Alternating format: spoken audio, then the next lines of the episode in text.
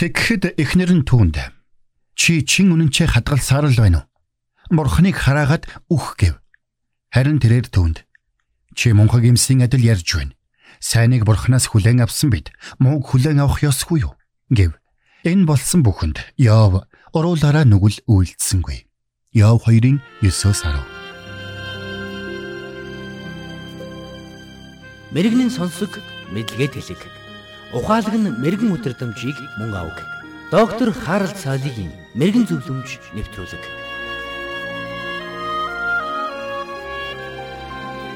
Яагаад бурхан минь? Ийм зовлонг та надад яагаад зөвшөөрч байгаа юм бэ?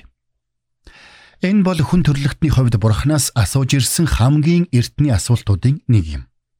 Библийн Йов номонд ч мөн Йов бурханаас ийхүү асуусан тухай өгүүлсэн байдаг. Тэгвэл Йов гэж хэн байсан юм бэ? Библийн тайлбар хэмээх номдоо Хенриетта Мирс Йов ном бол бүрэн ихээрээ хадгалагдж үлдсэн хамгийн эртний уран зохиолуудын нэгт зөв ёсоор тооцогддог. Тиймдээ ч Йов ном нь Библиэд багтсан хамгийн эртний номуудын нэгт тооцогддог гэсэн байна. Тэгвэл Йов номд юуны тухай өгүүлдэг юм бэ? Энэ бол энэ дэлхийн ертөнцийн яагаад зовлон шанал байдаг юм бэ гэсэн асуултын хариулт юм. Онцгойлоод бурханлаг зөвд хүмүүс яагаад зовлонд нэрвэгддэг юм бэ гэсэн асуултын хариултыг Йов номд өгсөн байна. 80 настай Ахмад дайчин хөгшин эмнэлгийн орон дээр өвдөж шаналан хэвдэж байхдаа дээш хараад би яагаад ингэж өвдөж шаналах ёстой юм бэ? Бурхан яагаад намайг зүгээр л өөртөө авчиж болохгүй байгаа юм бэ хэмээн дуу алдаж байсныг би тодхон санаж байна.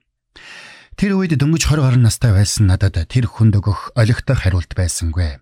Гэхдээ тэр хүний зовлон шаналлыг илэрхийлэх хамгийн тохиромжтой ном бол Йов ном шиг надад санагдаж байсан билээ.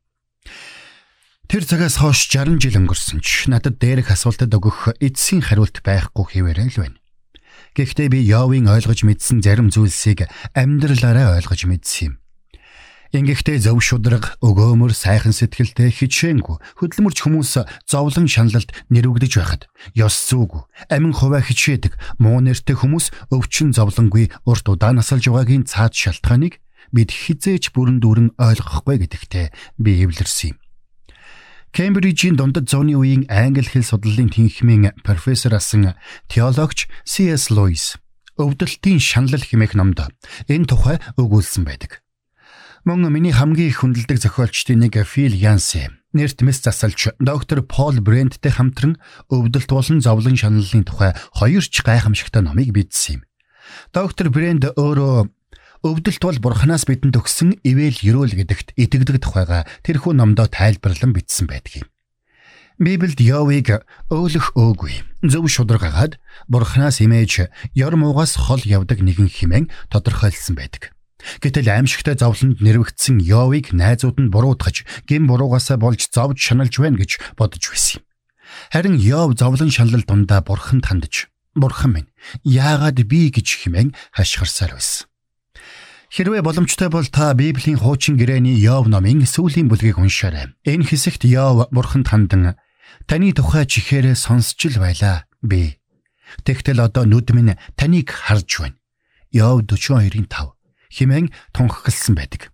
Улмаар Йов номын төгсгөлд Йов өндөр насалж өдөр хоногоо гүйцээгээд өөд болов. Йов 42-ийн 17 химэн бичигдэжээ. Яагад би гэж? Яагад би гэж? Яагаад би гэж гэсэн асуултуудад хариулт авах гэж хичээхээс илүү эхлээд бурхан биднийг хавчлаг зовлонгийн бай болгохоор сонгоогүй гэдгийг ойлгох нь чухал юм. Мөн бидний зовлон шаналлын түнэр харанхуй дундаж бурхан бидэнтэй хамт байж өөрийн сайн сайхан хийгээд хайр инэрлийг харуулсаар байдгийг мэдрэх нь чухал юм. Бурхан байдаг гэдгийг болон түүний хэмжээлшгүй хүч чадлыг мэддэг хүмүүс олон бий.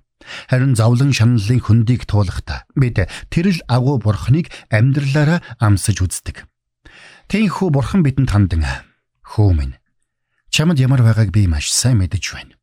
Чиний аврал болон эдгэрлийн төлөө миний хүү модон загалмайд хадагдсныг битгий мартаарай. Би чамайг хизээж орхихгүй. Миний оршихуй чамтай үргэлж хамт байх болно. Химэн шивнэхийг бид сонсдог үлээ.